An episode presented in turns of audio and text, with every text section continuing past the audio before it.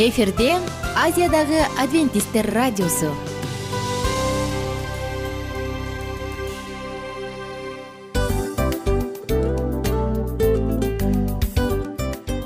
Достор салют. Баардык сүйүктүү угармандарыбызга салам айтабыз. Кутман күнүңүздөр менен. Ден соолук өмүрдүн булагы демекчи саламат саамы программасында баарыңыздарды көргөнүбүзгө абдан кубанычтабыз. Анда алгач амандашып өтөлү арбаңыздар деп. Ден соолугуңуздар кандай элибизде көбүнчө ден соолук кандай дегенде эле жакшы деп жооп беребиз э? ооруп турсак дагы жакшы дейбиз. Анан мен муну айтып ойлойт элем бул абдан сонун сөз депчи анткени бул жакшы деген үмүт да э ооба. баары жакшы болот. Баары сонун. Деп үмүттөнүп атып эле өзүбүздү өзүбүз дарылап коебуз. Анысы кандай? Сиздин дагы ден соолугуңуз жакшы беш деген үмүттөбүз чындыгында ден соолук бул өмүрдүн булагы деп бекеринен айтылган эмес деп ойлойм. Кыргыз элинде анткени эгерде ден соолук жок болсо анда адамдын жашоосунда калган баардык керектүү маңыздуу нерселер өзүнүн баалуулугун жоготуп коет. Ошондуктан ден соолук бул эң керектүү нерсе. Ооба туура айтасың кесиптешим чынында ден соолугуң жок бир эки үч күн ооруп калсаң эле э кандай болуп калат? Жашоодо көз каранды болуп каласың көп нерсеге жетишпей каласың көп нерсени кыла албай каласың. Жада калса эшикке дүкөнгө да чыга албай каласың. Туптуура анан ден соолук болсо демек биз биздин бактыбыз тоодой деп койсок болот.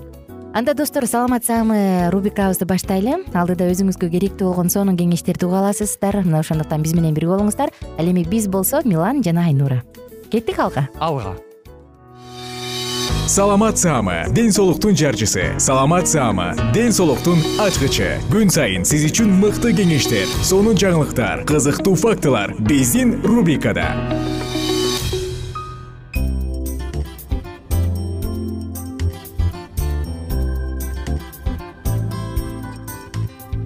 салам достор. Баардык угармандарыбызга сагынычтуу салам айтабыз. Кутман күнүңүздөр менен жана сиздер менен бүгүн тамактануу рациону жана агрессивдүү жүрүм турум деген теманын негизинде сүйлөшөлү дедик.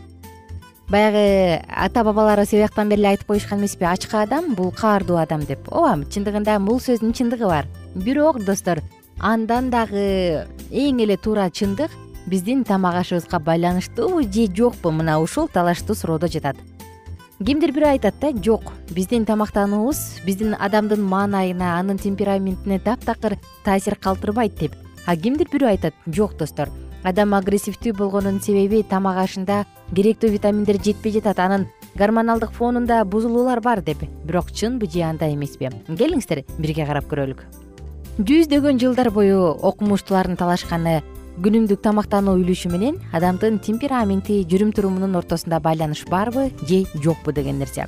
Акыркы он жылдыктардан бери эле окумуштуулар айтып калды да жок чынында ортосунда байланыш бар окшойт деп. Элестетип көрүңүз.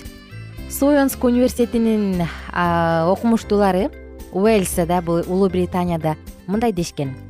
Алар кадимки тамак адамдын агрессивдүү болушуна таасир береби дешкен дагы изилдей башташкан анан акырында чындыгында мындай коркунучтуу же болбосо шектүү азык түлүктөр адамдын агрессивдүүлүгүн пайда кылат. Эгерде аларды рациондон таптакыр алып салса адамдын агрессивдүүлүгү төмөндөйт дегенди айтышкан. Кызык бирок чындыгында бул иштей эле турган нерсе экен.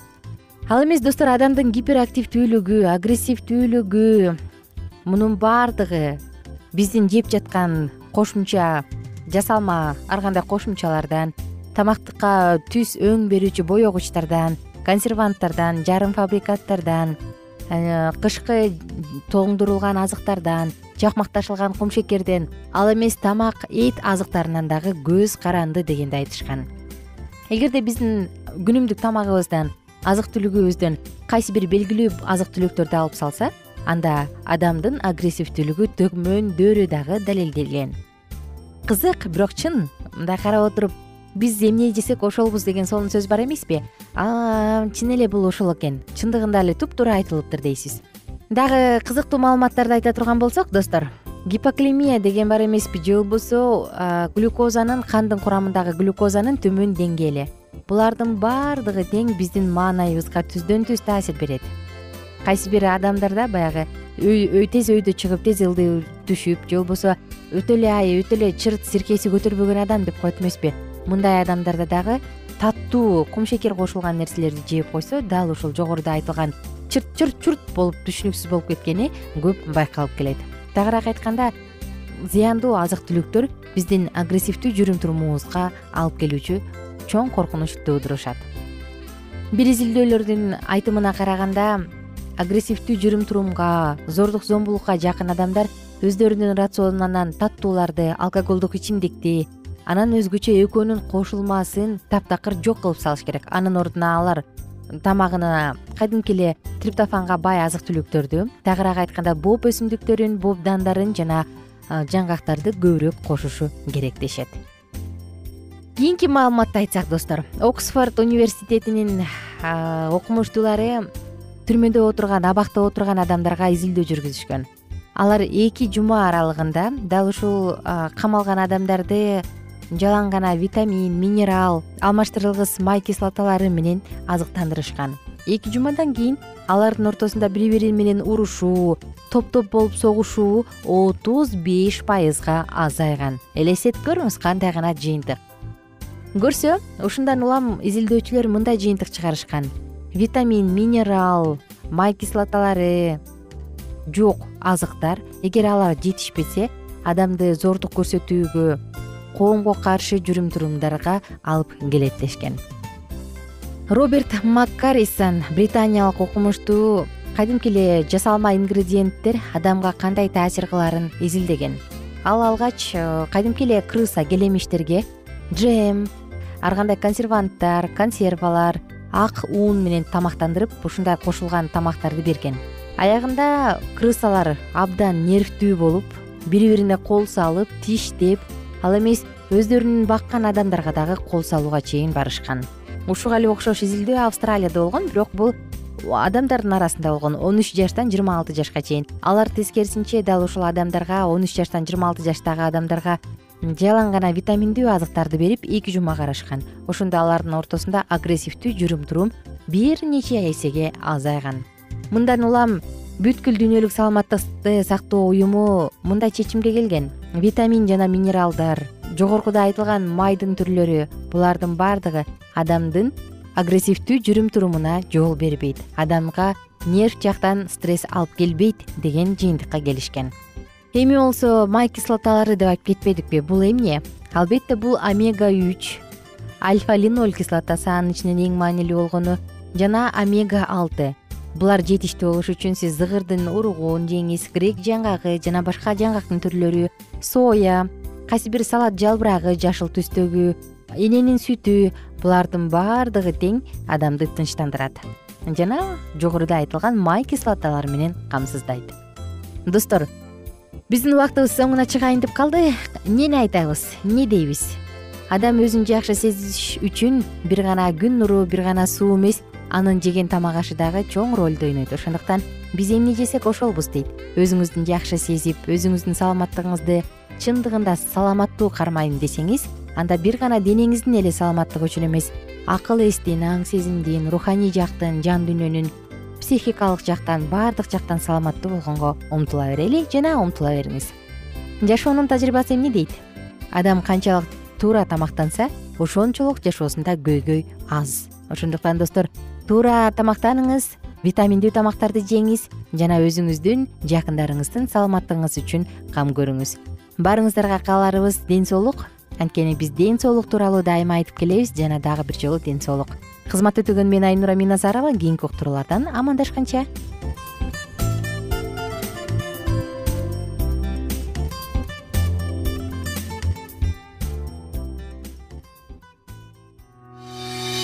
саламат саама ден соолуктун жарчысы. Саламат саама ден соолуктун ачкычы. Күн сайын сиз үчүн мыкты кеңештер сонун жаңылыктар кызыктуу фактылар биздин рубрикада. Салют замандаштар баарыңыздарга ысык салам. Дил маек программабызга кош келиңиздер. Дил маек рубрикасы дегенде эле бул эмне болгон дил маек ким менен маектешебиз деп сурайт болуш керек угармандарыбыз бул рубриканы кыскача тааныштыра кете турган болсок ар тарап кесип ээлеринен болгон сонун интервью кеңештер бар. Ооба. жылдыздар менен болгон маек бар. Аталарыбыздын агаларыбыздын чоң аталарыбыздан сонун кеңештер бар. Ошондой эле эже сиңдилердин кеңештери бар. Айтор баардык кызыктардын баары алдыда. Негизи эле адам баласы бир кимдир бирөөнө ишенип сырын ачкысы келет эмеспи э мындай баарлашууга жакын келебиз го? Албетте. Негизи бир жерге отуруп алып кенен шашпай баягы жүрөктөн жүрөккө ачып сырларыбызды ар кандай көйгөйлөрүбүз менен бөлүшүп баягы чын жүрөктөн маек курганды кимибиз сүйбөйбүз э? Ооба десең ал нерсеге суусап да келебиз да. Ооба кээ бирде адамга чындыгында баягы э, ысык маек баягы жылуу маек жетишпейт да. Ошондуктан биз ушул рубриканы ойлоп тапканыбызда эң биринчи эле достор сиздер менен чын жүрөктөн бир маңыздуу темаларды козгоп кеткени э, кааладык. Ошондуктан ушундай сонун бир рубриканы тартуулап жатабыз. Анын үстүнө радио дагы сонун дос да анткени э, мындай учурда досуңа айтсаң досуң досуна айтат досу досуна айтат да анан бүт өлкө билип калышы мүмкүн го а радио болсо сени сатпаган сенин айыбыңды ачпаган. Сенин сырыңды эч кимге айтпаган сонун дос мына ошондуктан биздин алдыдагы айта турган кеңештерибизди биздин досторубуздун кеңештерин угуп анан ал жака пикириңизди дагы калтырып кайрадан биз менен байланышсаңыздар болот. Деги эле жашооңузга эгерде кичине болсо дагы өзгөрүү алып моралдык жактан нравовик жактан сонун бир кеңештерди алсаңыз демек биз максатыбызга жеттик. Ооба. Чыңгыз атабыз улуу жазуучу э, чыңгыз айтматов айткандай адам болуу бул күнүмдүк процесс экен. Күн сайын адам бойдон калуу бул адамзатка эң эле кыйын дейт э? э эң кыйын дейт. Чындыгында бунун э, негизинде адамдын эң баягы сапаттуулугу адамдын э, адамгерчилиги жана көптөгөн керектүү нерселер. Мына ошол темалар дагы бизде ушул дил маекте биз аларды да козгойбуз. Ден соолук жөнүндө да сүйлөшөбүз. Сөзсүз түрдө анан милан мырза негизи айтып коюшат го. Биз көбүнчө эмнени ойлонсок? Ошол нерсеге карата иш кылабыз го. Ооба. Анан анысы кандай? Балким бул радио баракчада кимдир бирөөнүн оюн текшергенге жардам берет кимдир бирөөнүн жүрөгүн текшергенге жардам берет. Балким кимдир бирөөгө жашоонун маңызын тапканга жардам берет айтор кызыктын баары алдыда бул жөн гана кыскача жарнама анда угармандарыбыздын баардыгын кийинки рубрикабызга чакырабыз. Ал эми кызматта маңдайымда отурган кесиптешим милан жана мен айнура. Анда эмесе биз даярдаган терең терең ойлор менен таанышууга кеттик. Алыс алыс баралык. Анда эмесе достор биз менен бирге болуңуздар. Алдыда эң кызыктуу маалыматтардын баардыгы бир нече мүнөттөр бою жалгыз гана сизге арналат. Мына ошондуктан жакшы маанай менен угууну каалайбыз. Үн алышканча жөнөдүк. Ар түрдүү ардактуу кесип ээлеринен алтын сөздөр жүрөк ачышкан сыр чачышкан сонун маек дил маек рубрикасында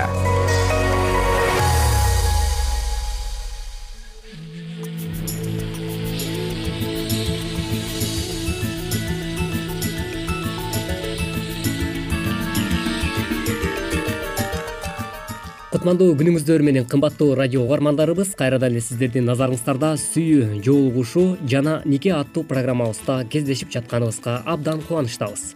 Бүгүнкү программабыздын чыгарылышында биз кайрадан эле сиздер менен дал ушул сүйүү жаатында темабызды козгомокчубуз. Бүгүн эмне туурасында тыңдай алабыз деп турган болсоңуздар анда деги эле сүйүүнүн үч багыты туурасында дагы кеп кылмакчыбыз. Саламатсыңарбы угармандар. Шайтан сенин чыныгы сүйүүнүн даамын татпай жашап өтүшүңдү каалайт ошондуктан ал сага ар кандай жасалма сүйүүлөрдү сунуш кылат. Ал сени жашооңду талкалап жашоодон тажап кеткен абалга жеткиргиси келет. Кудай болсо сени чексиз сүйүү менен сүйөт жана сага жакшылык гана каалайт ал сага эч нерсеге арзыбай турган сексти эмес чыныгы сүйүүнү бергиси келет. Ал сени бактылуу үй бүлө курушуңду каалайт жана сен үчүн ылайыктуу адамды даярдап койгон. Ошол адам сени өмүр бою сүйүп сага өмүр бою ишенимдүү болушун. Сен да аны сүйүшүңдү күтөт. Кудай сенин үй бүлөң жер бетиндеги кичинекей бейишке айландыргысы келет. Ошондой эле бир эле учурда үч адамды бирдей сүйүү мүмкүнбү? Келиңиздер анда. Биз ушул туурасында жаш жигиттин бир эле учурда үч сүйүүгө бирдей кабылганы туурасындагы окуяга назарыңыздарды оодаргыбыз келет. Марлен аттуу жаш жигит бир эле учурда үч кызды сүйөмүн деп ойлочу ал жасмин аттуу кыз менен бир университетте чогуу окуган. Алар тез эле жолугушуп турушчу. Бул кыздын башкалардан айырмаланып тургандыгы бир өзгөчө касиеттүүлүгү бар эле. Ал кудайга терең ишенген дайыма башкалар жөнүндө кам көргөн ак ниет ак көңүл кыз эле. Марлен жасминдин жанында жүргөндө улуу нерселер жөнүндө ойлончу. Ал муктаж болгондорго жардам берип кудайга жаккан иштерди жасагысы келчү. Ал дагы ошондой эле соня аттуу дагы кызды жактырчу экөө тең кошуна болчу. Бала кезинен баштап чогуу чоңоюшкан. Ал соня менен сүйлөшкөндү абдан жактырчу. Соня менен убакыт өткөрүү абдан кызыктуу жана ошол эле учурда көңүлдүү өтчү. Эң негизгиси ал марленди жакшы түшүнчү. Бирөө менен кеңешип же көптөн бери чечилбей жаткан маселелер жөнүндө сүйлөшкүсү келгенде ал түз эле сонядан кеңеш сураганы жөнөчү. Экөөнүн мамилеси абдан жакын болгону менен эч качан аны менен өбүшүү деген оюна дагы келчү эмес. Анын соняга болгон сезими жөн эле достук мамиледе болчу. Ошондой эле марлендин дагы жактырган үчүнчү кызынын аты бул алина болчу. Алина ушунчалык татынакай ушунчалык сулуу кыз эле. Анын өң эле татынакай болбостон бүткүл турпаты сымбаттуу жана ошондой эле тулку бою мүчөсү төп келишкен ай чырайлуу кыз эле. Ал эми марлен аны курдаштары менен бирге кандайдыр бир отуруштарга чакырган учурунда аны менен чогуу барганда өзүн тим эле бактылуу сезчү. Керек болсо көкүрөгүн көтөрүп дагы басып калчу. Ошондой эле экөө жалгыз калышканда эмне жөнүндө сүйлөшөрүн билбей калышчу. Анын алинага болгон тартылуусу табигый гана тартылуу эле. Ошентип марлен башынан өткөргөн бул үч сүйүүнүн түрлөрү айырмаланып тураарын түшүндү. Ал эми бүгүнкү учурда айрым бир жаштар үй бүлө курганга чейин жыныстык тартылууда туруштук бере албаган миңдеген жубайларды дагы кездештирүүгө болот. Бирок алар үй бүлө курган соң чыныгы никенин даамын татпай калышат. Ал эми чыныгы сүйүү деген эмне? Чыныгы сүйүүнүн көптөгөн касиети бар. Сүйүүдө табигый тартылуунун сыйкырдуу керемети бар. Бирок чыныгы сүйүү мындан да көбүрөөк нерсени билдирет. Сүйүү достуктан өсүп чыгат. Чыныгы сүйүүдө сен адамды толугу менен жактырасың. Ар дайым аны менен бирге болуп кайгы менен кубанычын тең бөлүшүп келесиң. Ошондой эле чыныгы сүйүү деген эмне. Чыныгы сүйүү деген өзүнүкүн издебейт. Ал чыныгы сүйгөн адамы үчүн баардык нерсени курмандыкка чалганга дагы даяр. Ишенимдүүлүк анын негизги касиети болуп саналат. Ал эми кесиптешим ушул жогорудагы марлендин жашоосунан алынган окуя туурасында укпадыкпы негизинен эле бир эле учурда үч адамды бирдей сүйүп калуу мүмкүнбү сен кандай деп ойлойсуң мисалы азыркы жаштар ушундай сезимдерди башынан өткөрсө анда бул чынында эле сүйүү деп ойлошот болуш керек да. Бирок чындап келгенде бул жаңылыштык ой болуш керек. Чындап эле баягы бир эле учурда үч адамды бирдей сүйүп калуу бул чыныгы сүйүү болуп саналбайт болуш керек менимче. Анткени э, сен бир эле учурда мисалы үч адамдын жүрөгүн бирдей багындыра албайт эмессиңби Э, себеби биз буга чейинки программабызда айтып өткөндөй эле эгерде э, бир эле убакытта сен үч адамды сүйө турган болсоң анда бул э, эрос сүйүү деп да аталып калат экен да. Мисалы адамдын бир эле жеке кызыкчылыгы мындайча айтканда ошол сен өзүңдүн дене кумарыңды кандырыш үчүн эле башкача айтканда ушул бул адамдык сүйүү деп дагы койсок болот да жалпы жонунан айтканда. Демек мунун өзү биз адашкандык деп дагы түшүнсөк болот экен мисалы бир эркекке бир эле аял деп коет эмеспизби. Анткени бир эркектин бир эле башы бар. Мисалы үч баш болсо балким үч аял алса болчудай окшойт э албетте чындап эле э, бир адамга бир эле аял э, сөзсүз түрдө жетиштүү э, андыктан урматтуу угармандарыбыз бүгүнкү берүүбүздө дагы биз негизи баягы жараткан жаратуучубуз бизге тартуулап койгон уроолоп койгон мындайча айтканда бизге ушул мыйзам кылып койгон мыйзамдан эч убакта аша чаап кете албайт экенбиз. Эгерде биз жараткан жаратуучусунун мыйзамын буза турган болсок анда жашообузда олуттуу кыйынчылыктарга дагы дуушар болуп калышыбыз мүмкүн экен. Андыктан жаратканыбыз дагы биздин ушул бул жашоодо кыйналбай Э, жакшы рахаттуу өмүр сүрүшүбүздү каалайт экен. Андыктан кымбаттуу угармандарыбыз жана ошондой эле урматтуу жаштар биз дагы сиздердин э, болочоктогу никелик жашооңуздардын бактылуу жана ошол эле учурда эң жакшы түгөйлөр болуп э, бул жашоодо өмүр сүрүшүңүздөрдү кааламакчыбыз албетте чын эле жакшы сунуш болду. Эгерде сиз бизди угуп жатсаңыз анда биздин программабызга кулагыңызды төшөп анан чын эле жүрөгүңүзгө түйүп алсаңыз керек ооба чындап эле урматтуу угармандарыбыз ал эми сиздер айтылган ар бир кеңешти четке какпастан жашооңузда туура нукка буруп өзүңүздүн жашооңузда кандайдыр бир деңгээлде кичине болсо дагы жашооңузда сабак алуу менен биргеликте сөзсүз түрдө э, иш жүзүндө колдоносуз деген үмүт менен бүгүнкү э, берүүбүздү дагы жыйынтыкчамакчыбыз бизге бөлүнгөн убакыт да ушуну менен өз соңуна келип жетти. Эмки берүүбүздөн кайрадан эле биз сиздер менен сүйүү жолугушуу жана нике аттуу программабыздан кезишкенче ар бириңиздердин үй бүлөңүздөргө тынчтык кааламакчыбыз сак саламатта болуңуздар. Ар түрдүү ардактуу кесип ээлеринен алтын сөздөр жүрөк ачышкан сыр чачышкан сонун маек бил маек рубрикасында.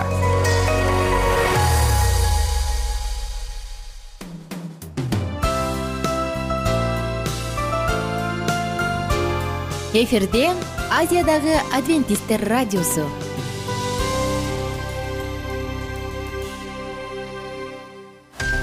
жан дүйнөңдү байыткан жүрөгүңдү азыктанткан жашооңо маңыз тартуулаган жан азык рубрикасы.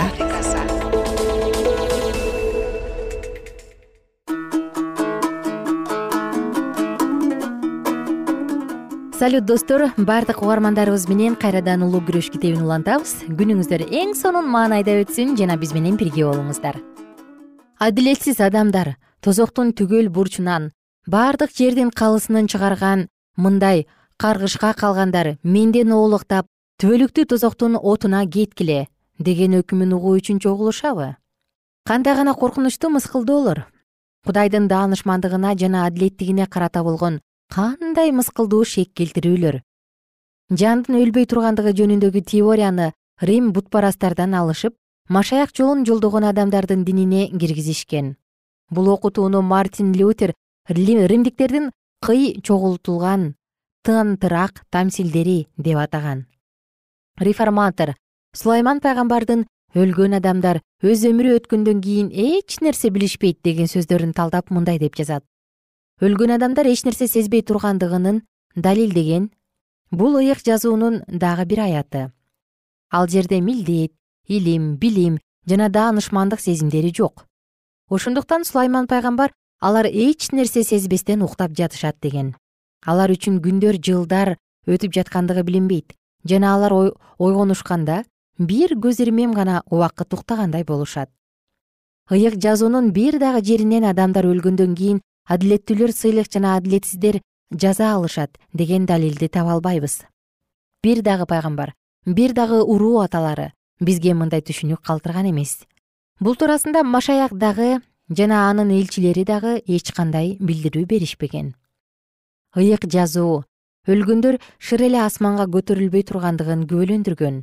Алар жөнүндө бардыгы тирилгенче уктап жаткандар деп гана айтылган. Качан алтын боо айрылып күмүш чынжыр үзүлгөндө адамдын бардык ой жүгүртүүлөрү жок болот. Мүрзөгө баргандар үндөбөгөндөрдүн өлкөсүндө. Алар эми асман алдында эмне болуп жаткандыгын билишпейт чарчап чалыккан адилеттүү үчүн бактылуу эс алуу. Убакыт узун болобу же кыска болобу. Алар үчүн көз ирмем мезгил. Алар уктап жатышат жана теңирдин сурнайы аларды ойготот. Тез көз ачып жумганча акыркы сурнайдын үнүндө өзгөрүлөбүз. Себеби сурнай үнү чыкканда өлгөндөр кайра чирибей турган болуп тирилет а биз өзгөрүлөбүз. Себеби бул өтмө дене түбөлүк денеге жамынуу керек бул өлө турган дене өлбөй турган денеге жамынуу керек. Бул өтмө дене түбөлүк денеге жамынганда жана өлө турган дене өлбөй турган денеге жамынганда ажалды жеңиш жутуп алды деп жазылган сөз ишке ашат. Өздөрүнүн терең уйкуларынан ойгонгон адамдар өз жашоолорун өлүм менен үзүлгөн убакыттан башташат. Алардын акыркы аң сезиминде калгандары ажал менен күрөшүү болгон. Алардын акыркы ою алар мүрзөнүн бийлигинин алдына бара жаткандыгы эле. Качан алар мүрзөлөрдөн турушканда алардын биринчи кубанычтуу ою өлүм сенин найзаң кайда? Тозок сенин жеңишиң кайда? деген жеңиштүү ураандарга кошулат. Отуз төртүнчү бап. Өлгөндөр биз менен сүйлөшө алабы? Спиритизм. Ыйык жазуудагы айтылган ыйык периштелердин кызмат кылуулары машаяктын ар бир жолдоочулары үчүн сооротуучу жана баалуу чындык болуп эсептелет. Бирок ыйык жазуу эмнеге үйрөткөн болсо белгилүү болгон теориялардын өтө куу желелери менен курчалып булганган. Жандын өлбөй тургандыгы жөнүндөгү элестетүү бутпарастардын философиясынан алынып христиандардын ишенимине караңгылык каптап турган баш тартуу мезгилинде киргизилген жана ыйык жазуунун барактарындагы түшүнүктүү болуп орногон өлгөндөр эч нерсе билишпейт деген чындыктын ордун ээлеген. Жана көпчүлүк адамдар куткарылууга ээ боло турган адамдар үчүн жиберилген кызмат кылуучу рухтарды өлгөндөрдүн арбактары катары кабыл алышат. Мындай ишеним ыйык жазуунун биринчи адам баласы өлө электе эле адамдардын тарыхында болуп келген. Асмандагы периштелердин бар экендиги жөнүндөгү күбөлөндүрүүлөрүнө карама каршы турат.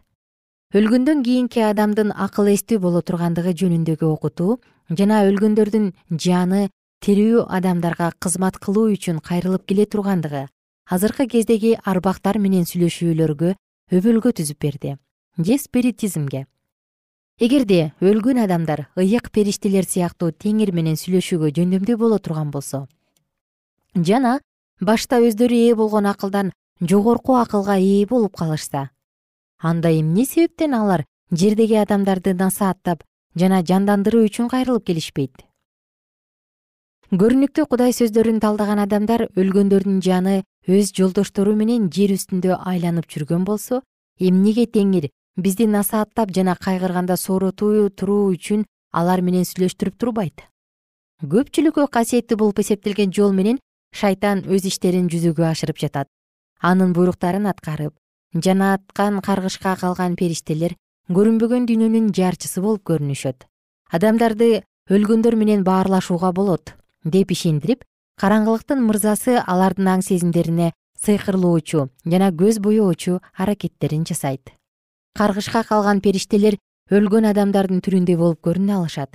Алар туура ошол адамдын кебети кешпириндей гана боло албастан алардын көз караштарын жана сүйлөгөндөрүн дагы өзүндөй кылышып аткара алышат. Жана көпчүлүк адамдар өз жакындары асманда бактылуу өмүр сүрүп жаткандыгы үчүн кубанышып алдамчы рухтардын жана жиндердин окутууларын кабыл алып жаткандыктарын кабарына алышпайт.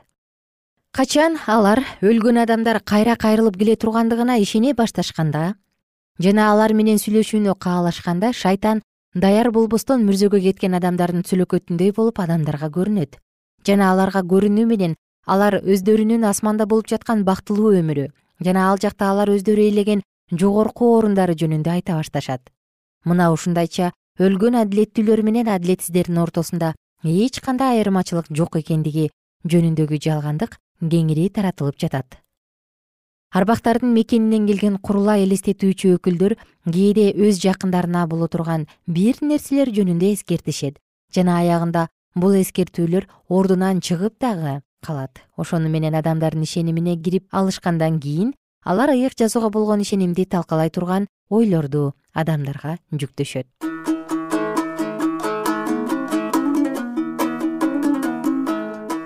кадырман замандаш сиздер менен бүгүн дагы улуу күрөш китебинен эң сонун чындыктарды окуп өттүк. Күнүңүздөр көңүлдүү улансын. Бүгүнкү уккан тема сиз үчүн ойлонууга жем болсун. Баарыңыздар менен кайрадан саламдашканча.